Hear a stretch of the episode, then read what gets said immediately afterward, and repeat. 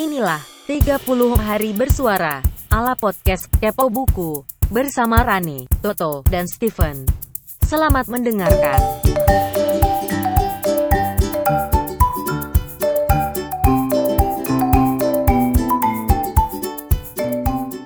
Hey, apa kabar? Ketemu lagi di Kepo Buku, sebuah podcast yang melulu bicara buku, buku, buku, buku, buku, buku, buku, dan buku.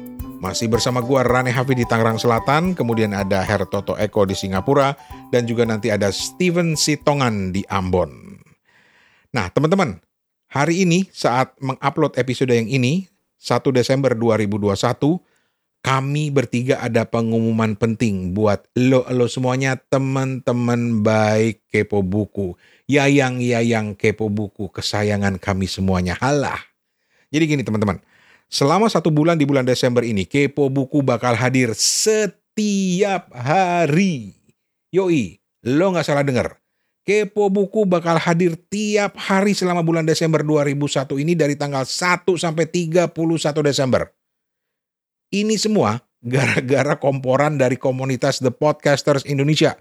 Komunitas podcaster paling gede, paling gokil, paling aktif di seluruh dunia, di seluruh jagat raya. Jadi mereka itu setiap bulan Desember mengeluarkan tantangan tahunan dengan tajuk hashtag 30 hari bersuara. Intinya, 30 hari bersuara ini adalah tantangan bikin podcast pendek, ya yang panjang juga boleh sih kalau lu kuat. Bikin podcast selama satu bulan penuh di bulan Desember.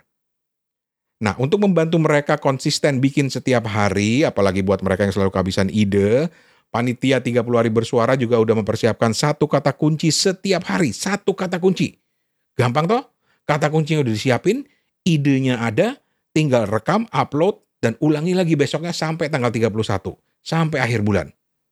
Nah, Kepo buku tahun ini nggak mau ketinggalan karena tahun lalu kita masih mikir bisa nggak ya, bisa nggak ya, bisa nggak ya, bisa nggak ya.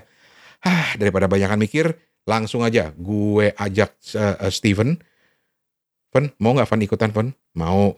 Toto tadinya dia mau cuti dulu tapi lama-lama mikir juga. Seru juga nih, ya udah ikutan deh. Asik.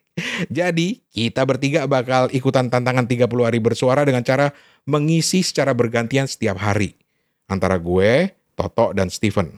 Dan kita juga nanti bakal nantang beberapa teman baik kepo buku untuk juga ikut ngisi di hari-hari tertentu. Udah ada beberapa orang yang menyanggupi. Nanti kita kasih kata kuncinya. Tapi kalau lo mau lihat bocoran kata kuncinya, langsung aja cari Instagramnya The Podcasters Indonesia. thepodcasters.id. Gitu. Masalahnya sekarang, eh bukan masalah sih sebenarnya. Tantangannya sekarang adalah karena kami bertiga dan juga teman-teman nanti yang akan kami tantang, itu kan sama-sama punya hobi buku dan podcast ini adalah podcast buku. Maka kata kunci nanti yang disampaikan oleh panitia 30 hari bersuara tentunya harus disesuaikan dengan tema buku dong. Bisa tentang isi sebuah buku, judul sebuah buku, kutipan isi buku, atau hal-hal lain yang terkait dengan buku. Persis seperti kepo buku. Kadang-kadang review buku, kadang-kadang ngomong hal lain yang yang yang temanya tentang buku. Kurang lebih seperti itu. Seperti misalnya kata kunci hari ini. Kata kunci di hari pertama 30 hari bersuara yang temanya adalah atau kata kuncinya adalah panggilan. Panggilan. Dari tadi gue bingung, gimana caranya ngaitin kata kunci panggilan dengan buku? Hmm. Oke lah, gue akan coba lah. Gue akan coba. Bukan Rane Hafid kalau tidak takut menerima tantangan. Toh nanti gue akan estafet tantangan ini ke Steven di hari kedua dan juga lanjut di uh, hari ketiga dengan Toto dan begitu seterusnya. Termasuk juga lo, lo nanti beberapa akan kita ajak untuk ikut menerima tantangan ini. Pokoknya nggak usah banyak mikir, intinya spontan aja. Jadi gue mau spontan, spontan, spontan. Ui.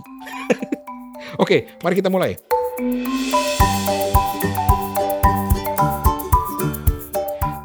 kata kunci panggilan, kata kunci panggilan. Jadi kata kuncinya panggilan, panggilan, panggilan. Ada hubungannya dengan buku, panggilan. Panggilan, panggilan, panggilan. Oke. Panggilan buat para pecinta buku. Yes. Dapat, men. Jadi gini. Uh, panggilan, panggilan. Dalam bahasa Indonesia ada istilah yang khas buat mereka yang suka sekali, gemar sekali membaca buku, yaitu kutu buku. Nah, gue kadang heran, Kenapa disebut kutu buku? Kenapa kutu? Padahal buku nggak kutuan. Yang kutuan itu cuma rambut. Rambutnya Toto kali, rambutnya Steven kali. Kalau gue botak nggak ada kutu. Satu-satunya hewan menurut gue ini menurut gue ya yang dekat dengan buku itu adalah rayap. Dan gue tahu banget ini karena gue banyak punya koleksi buku di rumah gue di Bekasi dulu yang habis dimakan rayap keparat. Sedih banget, sedih banget rasanya karena rayap-rayap itu kan gak bisa baca buku. Tapi buku gue habis dibaca. Dan itu sebenarnya yang kemudian membulatkan tekad gue untuk lebih banyak uh, membaca dengan menggunakan e-book. Makan tuh e-book. Hei rayap keparat. oh, sorry, jadi ngelantur. Kembali ke, ke kutu buku. Kenapa disebut kutu? Tunggu dulu. Hmm, gue jadi inget. Dalam bahasa Inggris, orang yang suka sekali membaca buku itu disebut dengan bookworm. Cacing. Lah kok cacing? Eh, ntar dulu. Mendingan gue google dulu deh. Gue google dulu. Bentar ya. Hmm, Google.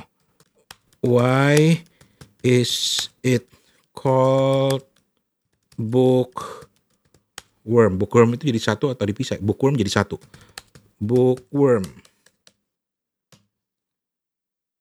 Wih, banyak jawabannya cuy. Ada Wikipedia-nya lagi. Bookworm dalam kurung insect.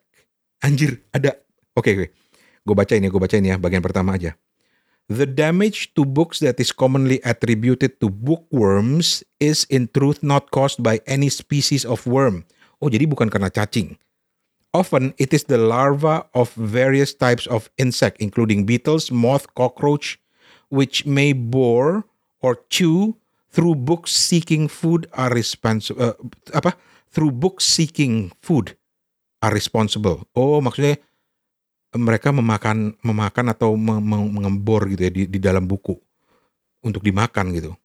Some such larva exhibit a superficial resemblance to worm. Oh, karena larva itu banyak bentuknya kayak cacing, makanya disebut bookworm. Oke, okay, oke. Okay. And are likely and uh, the and, and are likely inspiration for the term. Oh, jadi mungkin itu istilahnya dari situ. Though they are not true worms. Jadi mereka bukan cacing.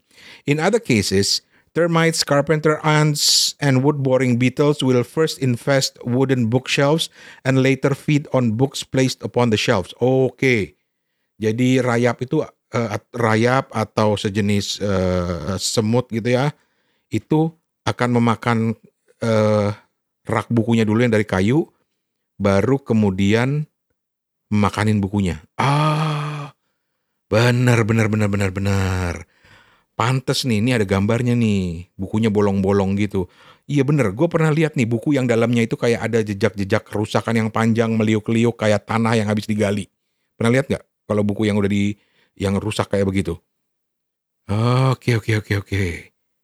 Jadi bookworm itu bukan cacing tapi lebih ke larva atau ulat e, dari beberapa jenis serangga seperti kumbang, ngengat, kecoa, rayap. Oke. Benar benar benar benar. Terjawab sudah. Terima kasih Wikipedia. Tapi pertanyaannya masih bersisa. Kenapa disebut kutu buku kalau dalam bahasa Indonesia? Mungkin ya, mungkin ya, kutu yang dimaksud di sini bukan kutu rambut tapi serangga-serangga seperti yang tadi itu. Ngengat, kecoa, bahkan rayap. Nggak tahu istilahnya apa kan kalau dibilang serangga buku jelek kutu buku aja. Tapi kenapa nggak disebut cacing? Ah sudahlah pusing gue. ya yang pasti dari istilah ini karena serangga-serangga tadi suka banget makanin kertas buku. Makanya orang yang suka sekali membaca buku, suka sekali memamah buku dalam tanda kutip ya, bukan memamah langsung, itu disebut sebagai bookworm dalam bahasa Inggris atau kutu buku dalam bahasa Indonesia. Oke. Eh, tar dulu sebelum gua tutup nih, gua ada pengakuan dulu. Gue, gue, Rane, Rane gue dulu punya hobi jelek yang kayaknya pernah deh gue ceritain di salah satu episode kepo buku. Lupa kapan. Jadi gue dulu waktu kecil suka banget gigitin pinggiran-pinggiran buku. Pinggiran buku tuh maksudnya sudut-sudut kertas itu loh. Pokoknya kalau ada sudut yang menonjol gitu kan yang sudutnya kan lancip tuh itu gue gigitin tuh sampai nggak lancip lagi. Sumpah itu kebiasaan gue dulu. Dan uh, ya bisa ditebak lah buku-buku gue dulu itu penuh bekas gigitan di setiap halamannya. emang jorok sih. Jangankan lu ngebayangin gua jorok. Toto juga pernah bilang gua jorok. Uh, Steven nggak pernah sih. Dia sih sopan orangnya sih. Walaupun mungkin dalam hati dia bilang, temen-temen gue dulu aja ogah minjem buku gue dan juga ogah minjemin buku ke gue. Soalnya gue tuh suka spontan sambil baca, terus uh, pas balik halaman tiba-tiba aja gue ngeliat ujung yang lancip tuh di sudut-sudutnya, langsung gue gigitin sudutnya sampai putus gitu. Mungkin kalau diinget-inget ya, ini pengaruh dari hobi gue gigitin kuku ya, yang memang udah kebiasaan yang menurun di keluarga. Ji, makasih banget ya bokap udah nurunin kebiasaan gigit kuku. eh tapi tenang tenang, gue udah nggak sejorok itu sekarang. Lo boleh lihat buku gue, rapi men, rapi. Apalagi buku-buku koleksi sundoku gue yang nggak pernah dibaca, rapi masih kebungkus. Jadi kalau lo mau minjemin buku ke gue atau gue mau minjem uh, apa buku ya pokoknya lu mau minjem buku ke gue atau mau minjem buku dari gue ya aman lah aman lah aman pokoknya aman Nah, uh, apalagi ya? Ya udah itu aja. Tapi ya gini lah, justru karena uh, hobi gua itu yang jorok itu, jadi gua bisa dengan bangga bilang I am a true bookworm, seorang kutu buku sejati, man. Iya gak sih? Walaupun jorok. Eh anyway, begitulah cerita gua tentang panggilan untuk pembaca buku yaitu kutu buku dan bookworm dan sampai di sini episode pertama Kepo Buku edisi 30 hari bersuara. Hai, masih 29 hari lagi Selanjutnya, gue mau oper tantangan 30 hari bersuara ini ke Steven Sitongan di Ambon. Di hari kedua nanti kata kuncinya adalah semangat. Kata kunci 30 hari bersuara, hari kedua adalah semangat. Jadi Steven, buku apa yang paling bikin lo bersemangat? Atau ceritalah tentang buku apa aja yang terkait dengan kata semangat. Mikir-mikir deh lo. semangat kakak Steven, semangat. 30 hari bersuara adalah gagasan dari komunitas The Podcaster Indonesia. Saya Tante Google, sampai ketemu di episode besok. Permisi cuy.